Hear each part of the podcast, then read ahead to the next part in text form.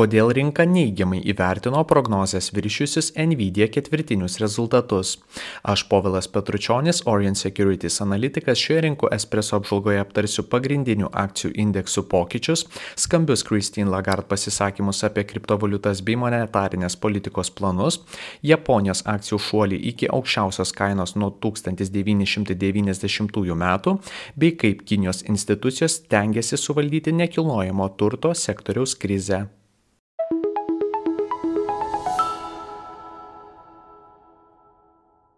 Svarbiausi praėjusios savaitės įvykiai - Junktinės Amerikos valstijos - atsigaunanti obligacijų paklausa. Šią savaitę Junktinių Amerikos valstijų indeksai demonstravo nuosaikų augimą. S&P 500 kilo apie 1 procentą, Nasdaq 100 apie 0,9, o Dow Jones 30 pasirodė geriausiai ir kilo beveik 1,3 procento. Santykinai ramę savaitę buvo sulaukta kiek prastesnių nei tikėtasi makroekonominių duomenų. JAV gyventojų surašymo biuras pranešė, jog ilgalaikio naudojimo prekių užsakymai per spalio mėnesį susitraukė apie 5,4 procento, kuomet analitikai tikėjosi 3,1 procento kritimo. Be to pasirodo, pasirodė preliminarūs S&P Global agentūros pirkimo vadybininkų indekso duomenys, kurie žymėjo geresnį nei tikėtasi paslaugų sektoriaus rezultatą, tačiau didesnį nei tikėtasi pramonės industrijos susitraukimą iki 49,4 punktų. S&P Global taip pat pabrėžė, jog santykinai nedidelė paklausa ir mažėjantis užsakymų kiekiai paskatino įmonės pirmą kartą nuo 2020 m. birželio mėnesio sumažinti darbuotojų skaičių. Kiek daugiau pozityvo suteikia JAV išdo 20 metų trukmės obligacijų aukcionas, kuriame pastebėtas paklausos atšokimas. Dar prieš kelias savaitės vykusime 30 metų trukmės obligacijų aukcione buvo fiksuota žemiausia paklausa per kelis metus. Obligacijų pajamingumai didžiąją dalį savaitės laikėsi stabiliai, tačiau penktadienį šiek tiek paaugo. Ekonomistai komentavo, jog pastarųjų kelių savaičių obligacijų kainų augimas galimai buvo per ankstyvas ir agresyvus atsižvelgiant į JAF ekonomikos patvarumą ir lipnesnę nei tikėtasi infliaciją. Šią savaitę apie 3,1 procentą krito Nvidia pranešusi apie ketvirtinius rezultatus, kurie pabrėžė kylančias rizikas dėl eksporto apribojimų į Kiniją. Kiek geriau pasirodė sveikatos paslaugų sektorius, XLV fondas augo beveik 2,3 procento. Europa susitraukimą žymintis pirkimo vadybininkų indeksas ir bent kelis ketvirčius nesikeisinčios palūkanų normos. Europos akcijų indeksų augimas buvo kiek mažesnis nei JAV, DAX augo apie 0,7 procento, CAC 40 apie 0,8, o FUCI 100 susitraukė apie 20 procento. Eurozonoje šią savaitę šeštą mėnesį iš eilės buvo užfiksuotas pirkimo vadybininkų indekso rezultatas, kuris buvo žemiau 50 punktų ribos. Toks rezultatas žymi tolimesnį eurozonos ekonomikos traukimąsi. Tiesa, indekso reikšmė per mėnesį paaugo nuo 46,5 iki 47,1 punktų. Tuo tarpu Europos centrinio banko prezidentė Christine Lagarde šią savaitę patraukė vėl dėmesį savo skambiais pasisakymais. Visų pirma, dėmesį patraukė jos pasisakymas apie jos sunaus nesėkmę investuojant į kriptovaliutas, tačiau kiek svarbesnis buvo prezidentės patikinimas, jog galime tikėtis, kad dabartinė palūkanų norma išliks nepakitusi bent du artėjančius ketvirčius. Jai antrino ir kiti Europos centrinio banko pareigūnai, o pasirodžiusioje paskutinio centrinio banko susitikimo santraukoje pastebėjo, pastebima, jog bankininkai pasilieka galimybę dar kartą pakelti palūkanų normą, jei tik to prireiks. Jungtinėje karalystėje ypač nustebino preliminarus pirkimo vadybininkų indekso šuolis, kuris peržengė 50 punktų ribą ir siekė 50 ir 1,1 punkto. Tai buvo net 1,4 punkto aukštesnis rezultatas nei tikėjosi analitikai. Tiesa, Jungtinės karalystės valdžios institucijos atnaujintose BVP projekcijose sumažino numatomą augimą beveik per pus.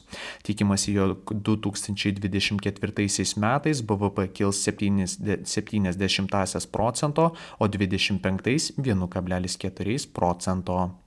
Vokietijoje ketvirtą savaitę iš eilės augimą demonstruoja Deutsche Börse, kuris per lapkritį jau paaugo apie 11,5 procentų. Be to, augimą pratėsi ir rūbų gamintojas Adidas per savaitę kilęs apie 2,7 procento. Jungtinėje karalystėje didžiausias pagal pajamas pasaulio žaliavų kasėjas Glencore krito kiek daugiau nei 4,1 procento. Azija puikūs Japonijos įmonių rezultatai ir Kinijos nekilnojamo turto krizė. Šią savaitę Japonijos indeksas Niki 225 augo vos 1,1 procento, tačiau vienu metu buvo pasiekęs aukščiausią kainos tašką nuo 1990 metų. Tuo tarpu Kinijoje akcijos krito ir Šanhajaus CSI 300 indeksas krito apie 0,8 procento. Tiesa, Hongkongo indeksas Hang Seng kilo apie 60 procento. Japonijos įmonės šį ketvirtį fiksavo puikius finansinius finansinius rezultatus, kurie reikšmingai prisidėjo prie akcijų indekso išaugimo iki naujų visų laikų aukštumų. Prie tokių rezultatų reikšmingai prisidėjo silpna vietos valiuta bei sumažėję tiekimo grandinės sutrikimai. Šią savaitę buvo paskelbtas Japonijos infliacijos ant metus maisto ir energetiko kainas 2,9 procentų metinis augimas, kuris buvo mažesnis nei 3 procentų ekonomistų prognozė. Nepaisant žemesnės nei tikėtasi infliacijos, kalbos apie galimą monetarinės politikos sugriežtinimą išlieka aktyvios. Kadangi Japonijos centrinis bankas aktyviai seka algų infliaciją, analitikai tikisi, jog reikšmingas įvykis bus pavasarį vyksiantis šunto, tai yra laikotarpis, kuomet darbuotojai persideria dėl savo algų dydžio. Kinijos reguliuotojai pristatė nekilnojamo turto vystytojų finansavimo strategiją, kuri turėtų padėti įveikti šio sektoriaus krizę. Be to institucija skatino bankus suteikti pagalbinių priemonių galinčių padėti NT vystytojams išvengti bankrotų ir projektų vėlavimų. Remiantis naujausiais duomenimis, spalio mėnesį NT investicijos pardavimai ir naujų namų kainos krito. Panasonic akcijų kaina šią savaitę augo kiek daugiau nei 5 procentus, prasčiau sekėsi Mazda įmoniai, kurios akcijos per savaitę krito daugiau nei 6,4 procento. Kinijoje įspūdingą kainos atšaukimą demonstravo Baidu, kilęs net 14,2 procento. Populiariausios savaitės antraštės. Nvidia kylanti rizika dėl eksporto į Kiniją ribojimų. Geresni nei tikėtasi rezultatai nenustebino investuotojų. Pelnas tenkantis vienai akcijai buvo kiek daugiau negu 4 doleriai, kai rinka tikėjosi 3 dolerių ir 39 JAV dolerio centų. Pajamos analitikų lūkesčius viršio net 2 milijardais JAV dolerių ir siekia 18,12 milijardų dolerių, o tai buvo net 205 procento daugiau nei prieš metus. Stipriausiai pajamas augino duomenų centro segmentas, kurio pajamos per metus augo apie 280 procentų, tuo tarpu žaidimų segmentas per metus augo apie 82 procentus. Sekančiam ketvirčiu įmonė prognozuoja 20 milijardų dolerių pajamas, kuomet rinkos prognozė buvo apie 17,3 milijardai JAV dolerių. Vis dėlto investuotojai kritiškai įvertino Nvidia pranešimą apie kylančią mažėjančių pardavimų Kinijoje riziką dėl eksporto apribojimų. Būtent užsakymai iš Kinijos stabiliai sudaro apie 20-25 procentus duomenų centro pardavimų pajamų. Anaip tol, analitikai išlaiko pozityvumą ir 12 mėnesių laikotarpyje numato Nvidia kainą ties 650 dolerių kainos lygiu. Šią savaitę Nvidia akcijų kaina krito apie 3,5 1,1 procento. OpenAI drama tęsiasi. Sam Altman grįžta į OpenAI generalinio direktoriaus pareigas po dramatiškos savaitės, kai jis perėjo į Microsoft.